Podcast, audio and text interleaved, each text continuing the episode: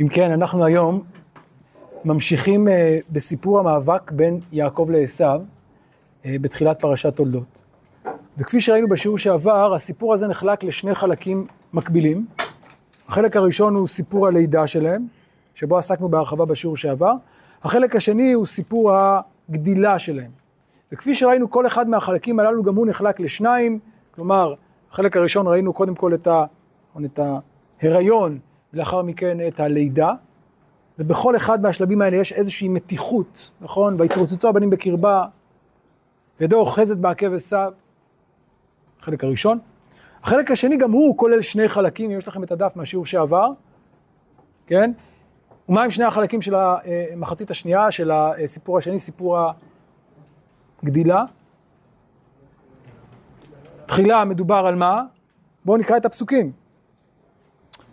פסוק כ"ז, ויגדלו הנערים. אז בזה אנחנו נעסוק היום בחלק השני, וננסה לבחון את הזיקה בין החלק השני לחלק הראשון, כלומר בין סיפור הגדילה לבין סיפור הלידה, ולנסות לחשוב קצת יותר על המשמעות המשותפת לשני הסיפורים הללו, לשני החלקים הללו. ויגדלו הנערים, ויהי עשו איש יודע ציד, איש שדה, ויעקב איש תם יושב אוהלים. ויהב יצחק את עשו כי ציד בפיו, ורבקה אוהבת את יעקב. ויזד יעקב נזיד, ויבוא עשו מן השדה, והוא עייף. ויאמר עשו אל יעקב, הלעיתני נא מן האדום האדום הזה, כי עייף אנוכי. על כן קרא שמו אדום. ויאמר יעקב, מכרח היום את בכורתך לי. ויאמר עשו, הנה אנוכי הולך למות, ולמה לזה לי בכורה? ויאמר יעקב, ישבה לי כיום, וישבה לו. וימכור את בכורתו ליעקב. ויעקב נתן לעשו לחם ונזיד עדשים, ויאכל וישת ויקום וילך, ויבז עשו את הבכורה. אז אם כן, יש לנו כאן שוב שני חלקים. בחלק הראשון יש לנו את תיאור הגדילה ומה קורה בו בחלק הזה. מה יש לנו בפסוק כ"ז, כ"ח? המאפיינים, המאפיינים של כל אחד מהבנים. ו... העדפות של, של ההורים. אז למה זה מופיע כאן? מה? זה על בסיס המאפיינים, לפחות באופן חלקי. כלומר, יש קשר בין המאפיינים לבין העדפות ההוריות, נכון? כי ציד בפיו. אז זה החלק הראשון. החלק השני עובר לאן? לאירוע, למעשה, שקורה, כן, אם החלק הראשון היה תיאור כללי של גדילתם, מהתיאור הכללי אנחנו עוברים עכשיו לאירוע קונקרטי, שבו קורה משהו חשוב מאוד. מה קורה בו? הבכורה נמכרת. למה הסיפור הזה מופיע כאן? אז כמובן יש לו חשיבות גדולה מאוד. מהי חשיבותו? זה הבסיס לכל מה שיקרה בהמשך הסיפור. לכל המאבק בין יעקב לעשו, הרי אחרי זה יהיה את הסיפור של הברכה, ויעקב יתחפש לעשו, ועשו ירצה להרוג את יעקב. הכל איפה הוא מתחיל? פה, נכון?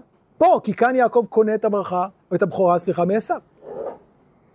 אז זה אירוע מאוד משמעותי, ובכל זאת, בהקשר שלנו, לפני שנדבר על הפרקים הבאים, יש לו חשיבות קונקרטית, והיא קשורה לחלק שלפניו ולחלקים הקודמים, למחצית הקודמת, וננסה לבחון או להעמיק באירוע החשוב הזה על רקע החלקים הקודמים של הסיפור. לנסות להבין את משמעותו.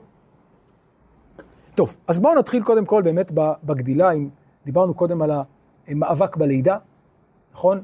וידו אוחזת בעקב עשיו, ויצחק בן 60 שנה בלדת אותם, ראינו שיש כאן מסגרת 40, 60, מסגרת שעוסקת בשנותיו של יצחק, וזה מאוד מתאים לחלק הראשון, כי בחלק הראשון הם עדיין, כן, אה, הייתי אומר, בתור בני יצחק. הם מתוארים בתור תולדות יצחק, נכון? לעומת זאת, בחלק השני, איפה יצחק נמצא? נזכר שם, נכון? היה יצחק את עשיו, אבל יצחק לא במוקד. למה יצחק כבר לא במוקד? למה יצחק לא במוקד של המחצית השנייה?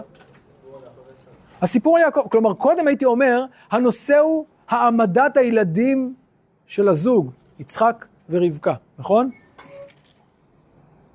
ויתר יצחק להשם לנוכח אשתו כי יקרה היא, ויתר לו השם ותר רבקה. אז הנושא הוא יצחק ורבקה שרוצים ילדים, שמתפללים, שמעתירים. ולכן המסגרת היא 40 שנה, 60 שנה של יצחק.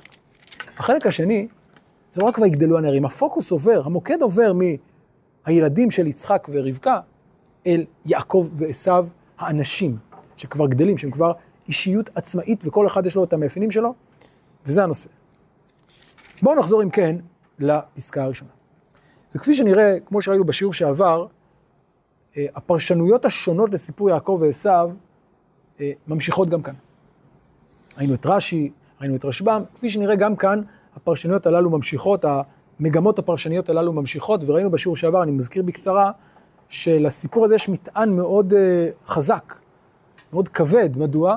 כי יעקב ועשו זה לא רק יעקב ועשו, זה לא רק שני אחים. מה הם? מה? שני לאומים. ומי הלאומים האלה?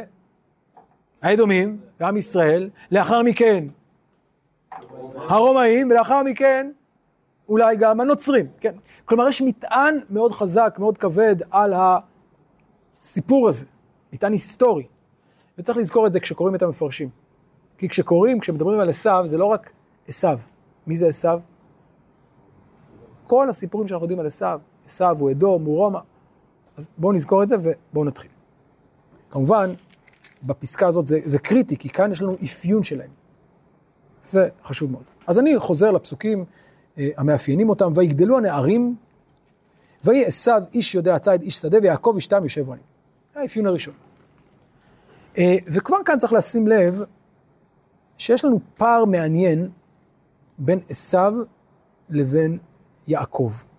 פער, כמובן, לא, לא, לא בתכונות, ברור שיש הבדל, אבל יש פער גם בתיאור שלהם, נכון? מה נאמר על עשו? או כיצד מתואר עשו?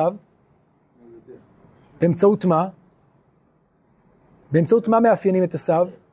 מעשיו, משלח ידו. לעומת זאת יעקב במה הוא מאופיין? שני דברים, גם משלח ידו, לכאורה, עוד מעט נדבר יושב אוהלים, וגם? מה? תם, איש תם, שזה, כן, כינוי מאוד מעניין שצריך להבין את משמעותו. אוקיי, אז מה בדיוק קורה פה, וכאן אני רוצה רגע לקרוא יחד איתכם באמת את המפרשים השונים, את ההצעות השונות של המפרשים, איך להבין את מה שקורה כאן, מה היחס בין שני הצדדים הללו. כן. רש"י למשל, לא נקרא את רש"י, בהמשך למה שראינו בשיעור שעבר, ויגדלו הנערים ויעשו כל זמן שהיו קטנים, לא היו ניכרים במעשיהם, ואין אדם מדקדק בהמת טבעם. מה זאת אומרת? ילדים, לא. כלומר, מה מפריע לרש"י בשאלה? בפסוק? איזה שאלה הוא שואל כאן? מה זה ויגדלו הנערים ויהי עשיו איש יודע ציד? מה, לפני זה לא? עכשיו, לכאורה שאלה, מה זאת אומרת לפני זה לא? לפני זה לא היה לו עדיין מקצוע, נכון?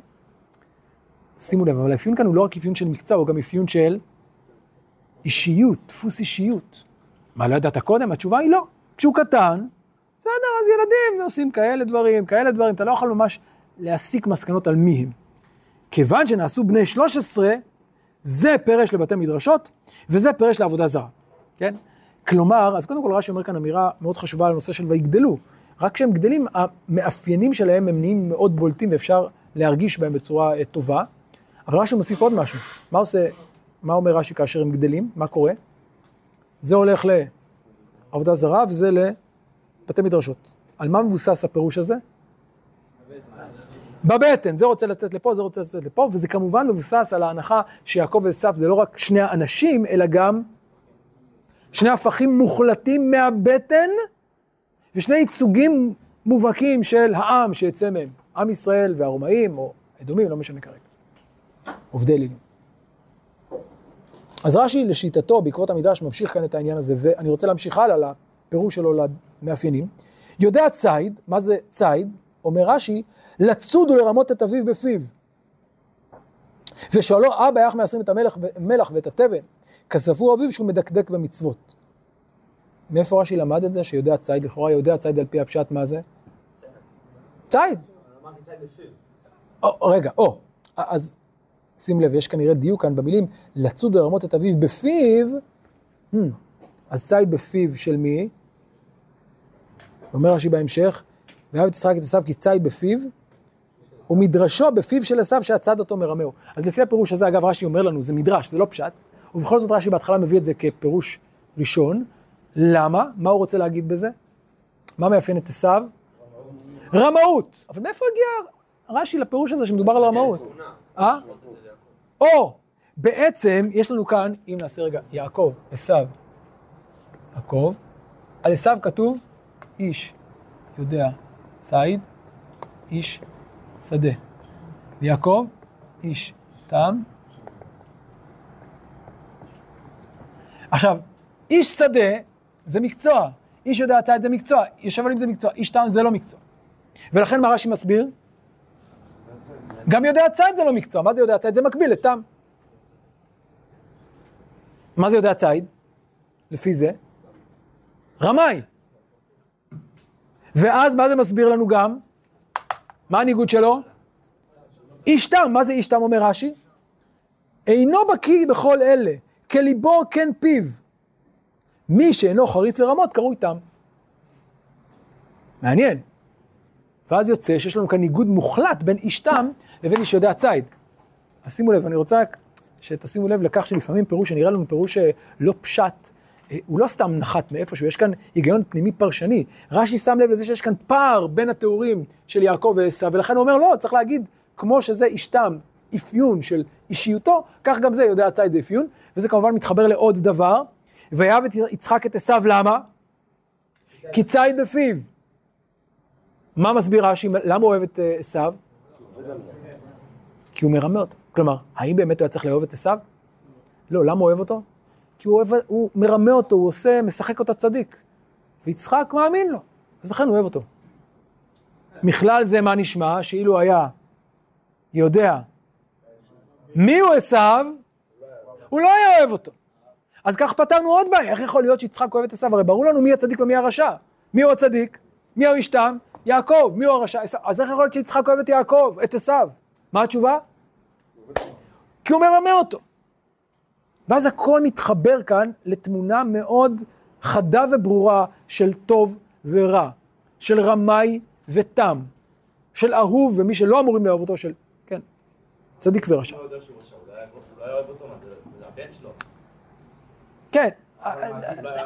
לא, אני לא יודע אם אוהב, תראה, תראה, צריך להגיד, אוהב כאן זה לא...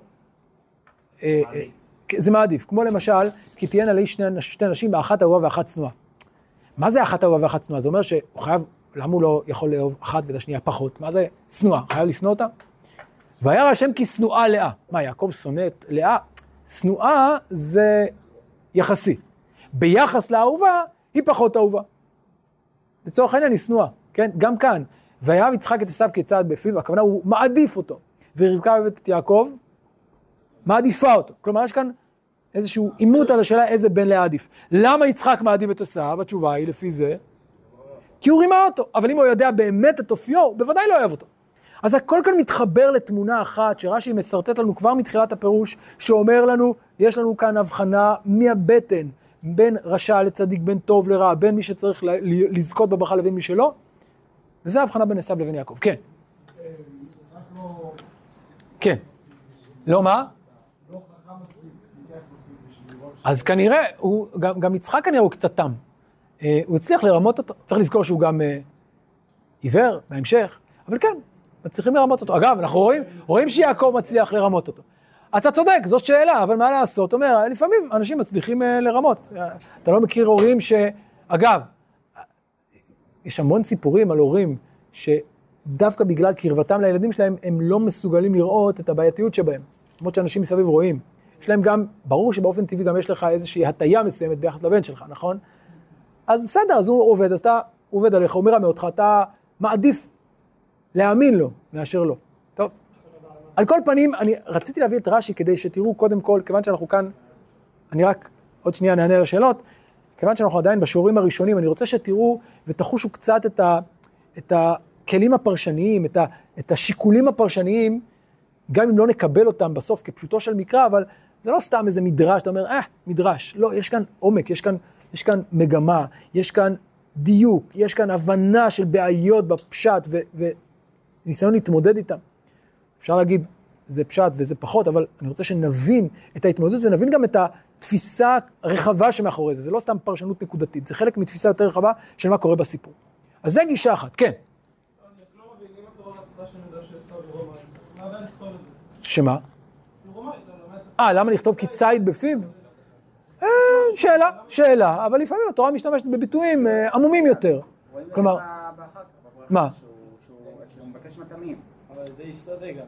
אז אתה אומר שזה ציד, זה ציד כפשוטו. הוא גם ציד כפשוטו, אבל כנראה השתמשו בזה אולי גם כדי לומר שהוא... אז אולי יש כאן שתי משמעויות, אבל אני מסכים שזה לא הפירוש הפשוט של ציד בפיו. אגב, לא רק אני אומר, גם רש"י אומר את זה, נראה את זה בהמשך.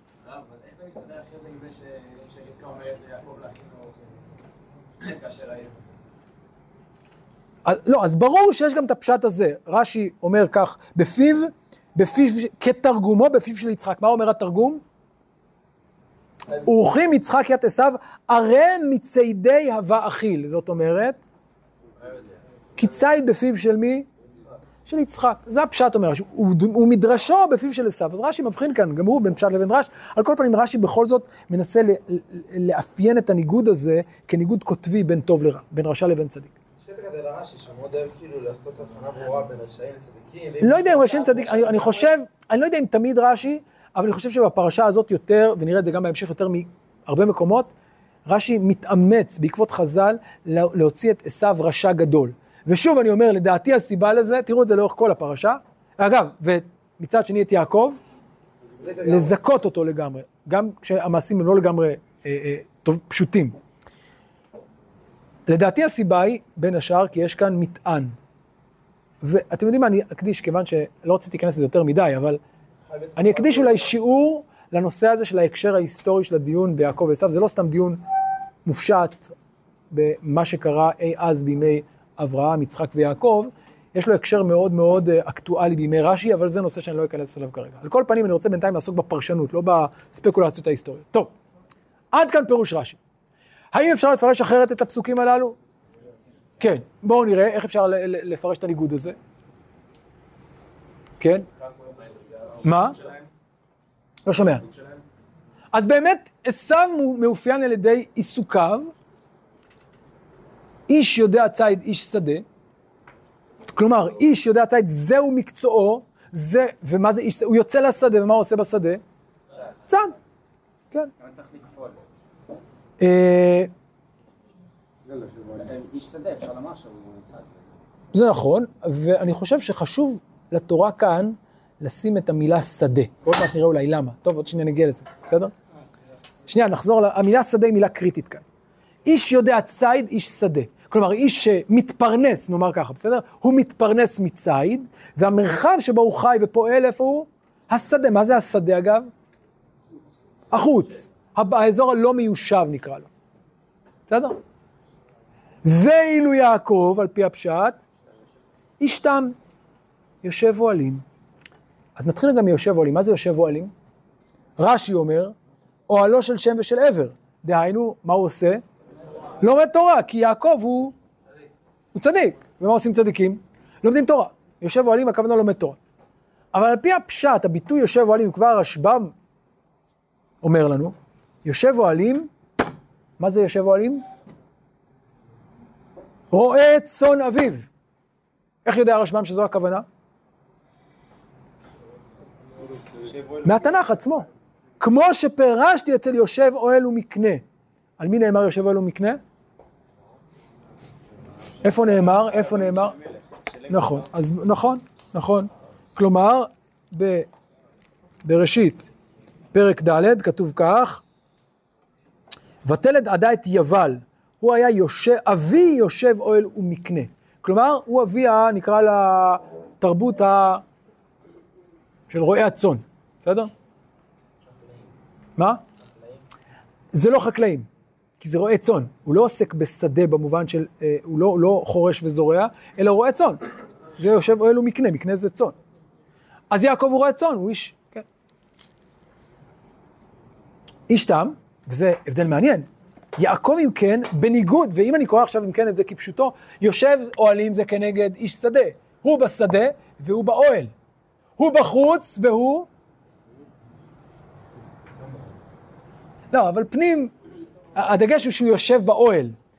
מתואר כאן, אז ברור שיושב אוהלים פירושו שהוא נמצא עם הרועה צאן, הוא נמצא בחוץ, אבל הדגש הוא פנים מול חוץ, זה הניגוד שיש לנו כאן. זה גם יכול להיות כאילו אוהל כמו אברהם אבינו ושדה כמו יצחק. למה אוהל כמו, אתה אומר שהוא נוטה את האוהל? אוקיי, עוד שנייה נאמר משהו על השדה. לעומת זאת, איש יודע עשתה איש טעם, זה ניגוד. זה, זה לא ניגוד, סליחה, זה, זה, זה עולמות שונים. ואני רוצה לומר שיעקב, בניגוד לעשו, באמת יש כאן הבדל. מה ההבדל? עשו מאופיין רק על פי מקצועו, ואילו יעקב מאופיין גם על פי אישיותו. מה אישיותו של עשו לפי זה? לא, לא שאין לו, לא כתוב. זה לא הנושא. אז זה ההבדל בין התיאורים הללו של עשו ושל אה, יעקב. אוקיי. כן. איפה שכתוב איש זה בעצם האישיות ויושב אוהלים זה. אה, כן, איש תם זה אישיות, ומקצוע, מקצוע הוא יושב אוהלים, כן, זה, מזה הוא מתפרנס. כן. לא, אני אומר, יושב, רועה צאן כאן, זה מקצועו, אבל התיאור כאן, יושב אוהלים, זה תיאור של רועי צאן. רועי צאן בדרך כלל לוקחים, הולכים לאיזשהו מקום, נוטים את האוהל ומסתובבים עם הצאן, אבל בסוף יש להם איזשהו מוקד. לעומת זאת, איש ציד, מה הוא עושה בהגדרה? הולך לחוץ, הולך למקומות הלא מיושבים, מתרחק, מקומות שהם מחוץ ליישוב, אה, צד חיות ומביא אותם, כן? זה ה... לא, לא צד חיות בית, כן? אוקיי. שמה? או, רגע, שנייה, עכשיו אני רוצה להמשיך הלאה. ויגדלו נערים ועשו איש יודע את צד איש שדה יעקב ישתם יושב עלים ויאהב יצחק את עשיו כי ציד בפיו ורבקה אוהבת את יעקב. מה זאת אומרת? לא בגלל המעשים. למה אין סיבה ל... יצחק אוהב את עשיו, שימו לב לעוד הבדל מעניין. ויאהב יצחק את עשיו, למה? כי ציד בפיו. ורבקה, מה ההבדל? שוב, שימו לב להבדל המעניין. יש לנו כאן ניגוד. אצל, לא רק כתוב ויאהב, אין כאן, נאמר ככה, יש כאן שבירה של ההקבלה. הייתי מצפה שיהיה כתוב ויאהב יצחק את עשיו כי ציד בפיו ורבקה אוהבת את יעקב, כי הוא אשתם, אבל זה לא מה שכתוב. ויאהב יצחק את עשיו כי ציד בפיו, ורבקה אוהבת את יעקב, למה?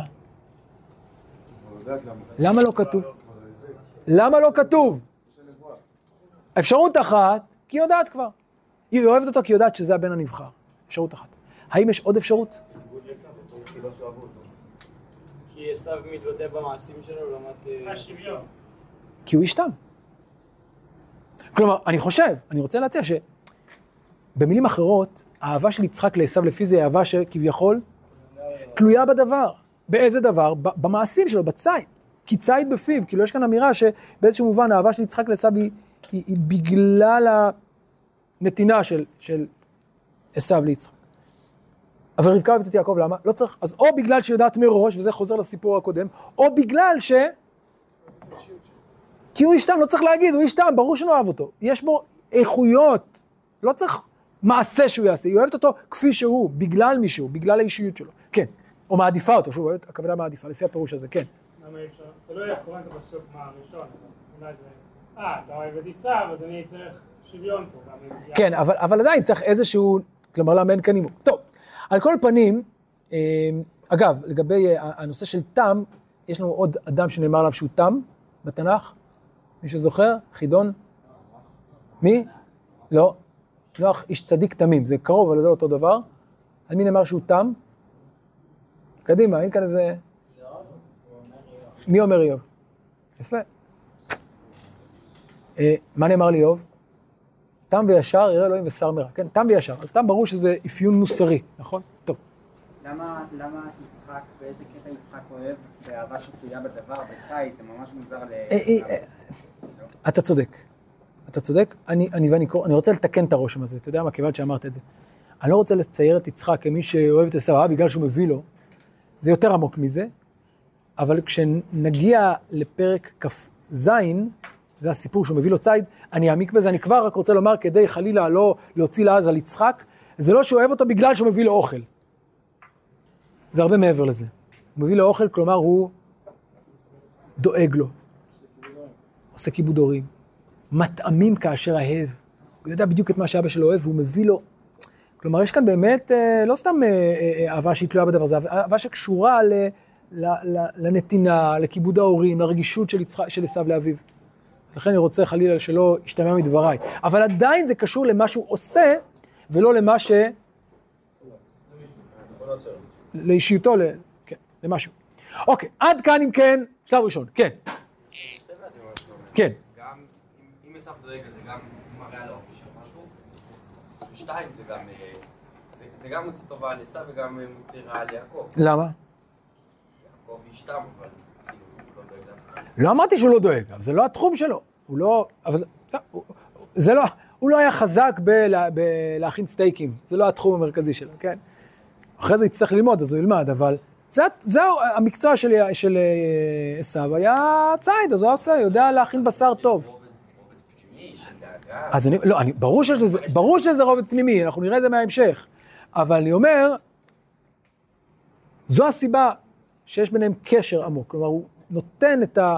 את ה הוא מבטא את אהבתו באמצעות האוכל שהוא מכין. אבל אני רוצה בכוונה להשאיר את זה ככה, עוד נעמיק בזה כשנגיע לפרק כ"ז. טוב, אנחנו צריכים עוד להגיע לחלק השני, אז בואו נזדרז, וזה החלק העיקרי. ויגדלו הנערים, סליחה, אה, ויעזד יעקב נזיר. כמובן, עוד, עוד הערה שצריך לזכור, האמירה הזאת של ויאהב יצחק את עשיו כציד בפיו אוהבת את יעקב, יש לה חשיבות גדולה מאוד. למה יש לה חשיבות? מה החשיבות שלה? סיפור בהמשך. כי השאלה במי כל אחד בוחר, יש השלכה לשאלה מי יקבל את הברכה. אם יצחק אוהב את עשיו, עשיו יקבל. אם אוהבת את יעקב, תדאג לזה שיעקב יקבל. אז יש לנו כאן שוב התרמה, וכל הסיפור הזה הוא בעצם התרמה לסיפור של הגדול בפרק כ"ז על לקיחת הברכות, אבל נשאיר את זה בצד, בינתיים אני רק רוצה לחבר את הדברים. וכאן מגיע הסיפור המרכזי. ויזד יעקב נזיד. ויבוא עשיו מן השדה והוא עייף. איך פותח הסיפור אם כן? דיברנו על אוכל, נכון? ויסד יעקב נזיד. ויבוא עשיו מן השדה והוא עייף. מעניין. על מה מתבסס הפתיח הזה של הסיפור? ממה, ממה, מאיפה זה מגיע? סתם יום אחד ההוא בישל, מאיפה זה הגיע? האם זה מקרי? האם זה מקרי שיעקב מכין נזיד ועשו בא מן השדה והוא עייף? אז זה מדרש, עזוב שנייה את המדרש, אני רואה את מה שכתוב כאן כרגע. מה הסיפור הזה, ומכאן מת, מתפתח האירוע ביניהם. אני רוצה רגע להתמקד ב"ויזד יעקב נזיד הזה ויעקב ויבוא עשיו מן השדה והוא עייף". האם יש חשיבות להצגה הזאת של הרקע לסיפור? בואו נשאל רגע, האם יש קשר בין הפסוק הזה לפסוקים הקודמים, לאירועים הקודמים שראינו? תיאורים הקודמים. יש קשר. איפה אתם רואים קשר? ויבוא עשיו מן השדה. כלומר, עשיו חוזר מהעבודה, מהשדה. ויעקב? או, דיברנו על פנים וחוץ? עשיו בא מן השדה, בא הכוונה, מה זה בא הקו? חוזר, נכנס. לצאת ולבוא. הוא יצא, ועכשיו הוא בא, דהיינו הוא נכנס. והוא עייף. אגב, מה זה עייף? שוב צריך לדייק במילים. מותש. אז אם הוא מותש, מה יעשה? אז לא מה שהוא עושה, מה הוא אומר? הל יתני נא מן האדום האדום הזה, כי עייף אנוכי. אם אתה עייף, תלך לישון, מה זה? תן לי לאכול, אני עייף. התשובה היא שהמילה עייף, יש לה משמעות נוספת. לא רק tired, אלא גם, גם גם רעב. למשל, דוגמה, מים קרים? כן, נפש עייפה הכוונה נפש שהיא צמאה למים. עייף הכוונה מיובש, מותש, אבל לא במובן רק של עייפות, במובן של? כן. אז כמובן זה קשור לזה שהוא גם עייף פיזית, אבל זה קשור לזה שהוא גם מיובש, הוא צריך לאכול, הוא היה יום שלם בשדה, הוא חוזר הביתה גמור, גמור פיזית, אבל גם רעב, מותש, עייף, צמא.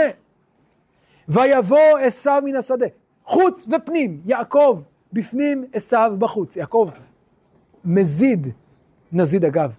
שימו לב לפועל המעניין הזה, ויזד יעקב נזיד. מה זה ויזד? לשון בישול. אבל זה מעניין, המילה ויזד יש אולי... עוד נחזור לזה, כן. מזיד. זדון. טוב, עוד נחזור לזה. ויבוא עשיו מן השדה והוא עייף. ויאמר עשו אל יעקב, הלעיתני נא מן האדום האדום הזה כי עייף אנוכי. על כן קרא שמו אדום. מה אומר יעקב, עשו ליעקב? או, לא תאכיל אותי, אני רוצה שתשימו לב למילים. הלעיתני, רש"י אומר, אפתח פי ושפוך הרבה לתוכו, כמו ששנינו, אין עושים את הגמל, אבל מלעיטין אותו. כלומר, איך אה, אה, אה, עשו מתנסח, נאמר? באופן קצת ברברי, כן? קצת ראוותני.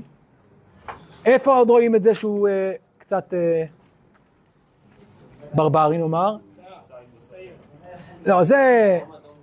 האדום, מה זה האדום האדום הזה? יש לו שם? תגיד הנזיד, מה זה אדום? לא... תן, תן לי, תן לי מה... ת- תלעיט, שפוך מהאדום, מה, מה בישלת שם? תן, כן? כלומר, יש כאן, אני חושב, הדיוק הזה הוא חשוב, כלומר, התורה מציגה כאן את עשיו כמישהו שהוא מגיע באמת בצורה מאוד ראוותנית. עכשיו, בסדר, הוא מגיע מהשדה, טבעי. הוא לא, זה לא, אגב, זה לא דבר רע כל כך, אבל זה מאפיין משהו. שוב, אגב, אם נשווה לרש"י, מה רש"י אומר? עייף, למה עייף? ברציחה, הוא עשה דברים, חטאים גדולים, אבל לפי הפשט הוא לא רשע, הוא פשוט אדם קצת אה, גס רוח נקרא לזה, ראוותן. טוב, ויעקב מה עושה? בינתיים בזמן הזה? יושב בבית, מבשל. אז זה עוד אפיון מעניין. הפנים והחוץ הזה, מסתבר שזה לא רק בית ושדה, או משלח יד, זה גם אולי אפיון מסוים של אישיות, וכאן אני מגיע לשלב הבא. על כן קרא שמו אדום. מעניין. למה זה מעניין? כי זה מחזיר אותנו למחצית הראשונה, תסתכלו רגע בדף שלכם. איפה עוד מצאנו את השם הזה, אדום? אדמוני. רגע, אז למה קוראים לעשו אדום? אם היינו מסתכלים על החלק הראשון של הסיפור, היינו אומרים, כי הוא נולד אדמוני. אבל אם אני מסתכל על החלק השני, למה? כי הוא אמר אדום אדום. אז למה קוראים לו?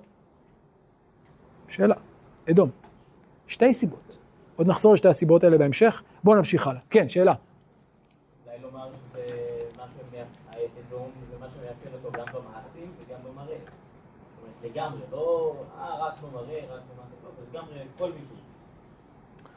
אה, יכול להיות, אבל אתה צודק, אבל אני רוצה עוד מעט לחדד שהוא נקרא על שם, דווקא על שם זה, אבל עוד נחזור לזה. אוקיי.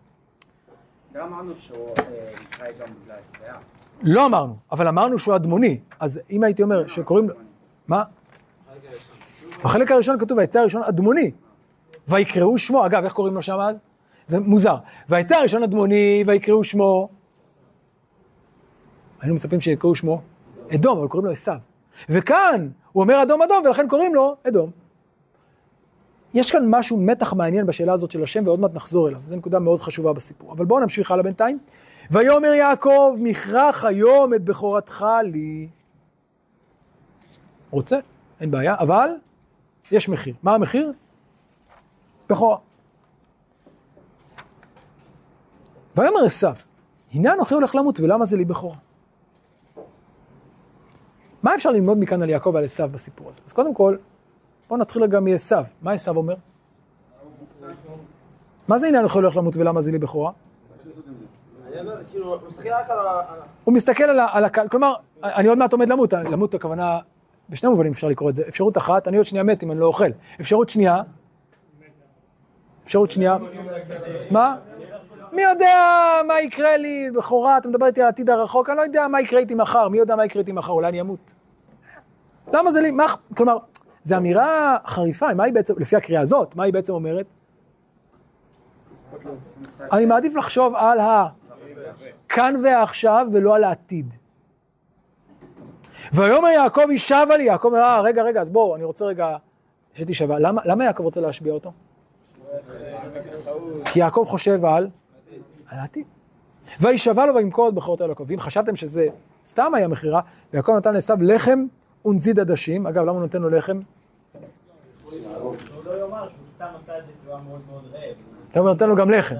טוב, אולי כי הלחם תמיד על חשבון הבית, אני לא יודע. גם יכול להיות, הייתם פעם במסעדה. על כל פנים, יעקב נותן לו ברוחב לב לחם וזיד עדשים, ויאכל, ושימו לב לתיאור הזה, ויאכל, וישת, ויקום וילך, ויהי וזה שם את הבכורה. למה יש לנו את הרצף הזה של הפעלים, מה הוא מלמד אותנו, מה אפשר ללמוד ממנו על הלך רוחו של עשיו בסיפור הזה?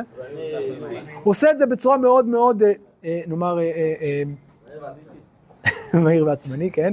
מאוד אימפולסיבי נקרא לזה, בלי לחשוב יותר מדי, בלי לערער, ולא רק זה, אלא מבזה את הבכורה. עכשיו, ביזוי הבכורה זה לא רק ביזוי של הבכורה, זה בעצם נובע ממשהו יותר עמוק. ממה זה נובע? יכול אה. מזה שהוא לא חושב על מה? אז זה אפיונו של עשיו. לאור זה, איך הייתי מאפיין את יעקב בסיפור הזה? מה? הוא חושב על העתיד, איפה אתם רואים את זה? הוא רואה את הנולד, איפה רואים את זה? קודם כל, הוא משביע אותו.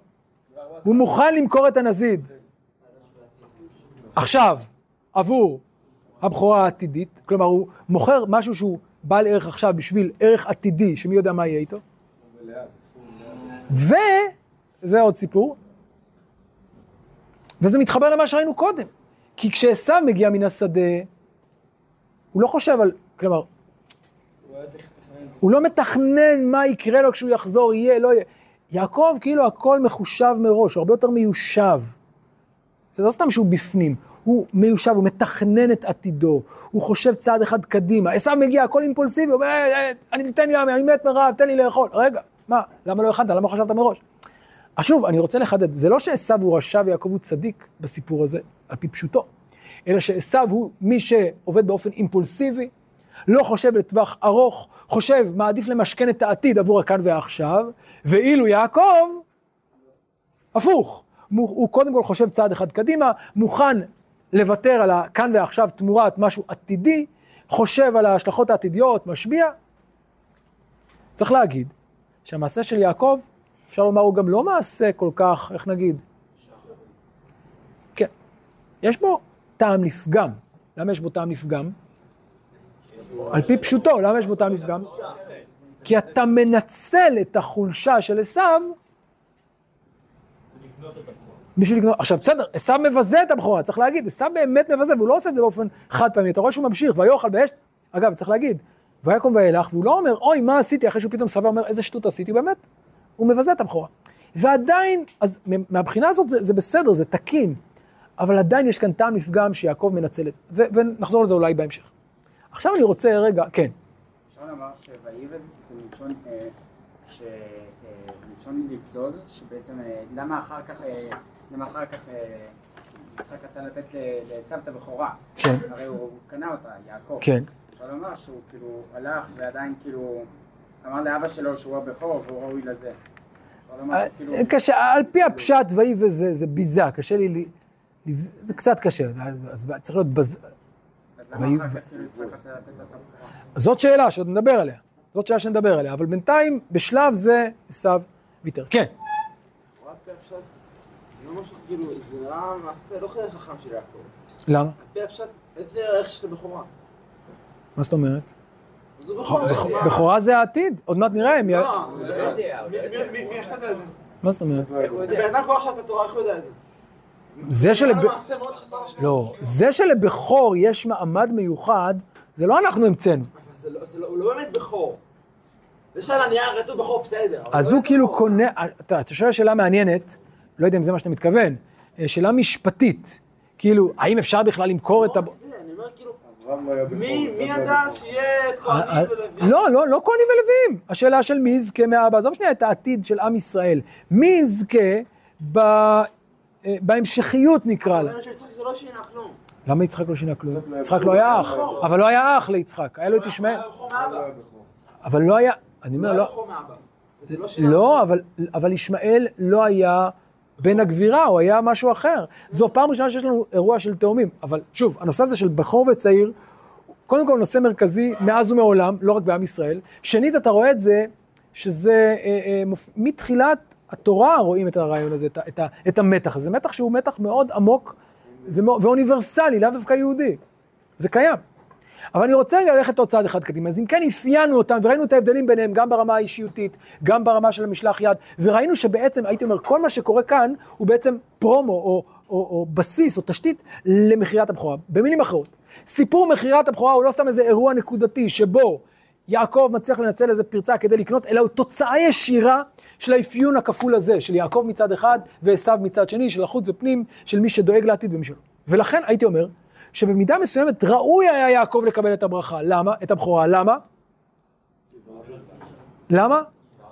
כי הוא, חשוב, הוא חושב עליה ברצינות, הוא לוקח אותה ברצינות, הוא מעריך אותה, בניגוד לעשו שמבזה אותה.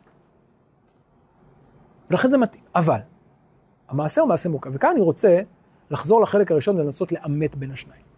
הייתי אומר שכשאנחנו משווים בין סיפור הלידה לסיפור הגדילה, מתבלט כאן ניגוד מאוד מעניין. בשני המקרים יש לנו איזשהו ניגוד או מאבק בין יעקב לבין עשיו, נכון? בחלק הראשון, מהו המאבק בין יעקב לבין עשיו? בבטן וביציאה. על מה מתבסס המאבק הזה? מה הנושא, או כאילו, מה, מה, מה, מה, מה קובע, נאמר? הכוח, השלמות הפיזית, הבגרות הפיזית, נכון? זה מה שיקבע מי יצא ראשון. כלומר, החלק הראשון בעצם קובע מיהו הבכור על פי הטבע. ומיהו הבכור על פי הטבע? מי יצא ראשון על פי הטבע? עשו. למה? כי הוא עשוי. כי זה עשו, ולכן קוראים לו, איך? עשו, הוא עשוי, הוא גמור, הוא בוגר, הוא חזק. ויעקב, נפח כזה, נכון?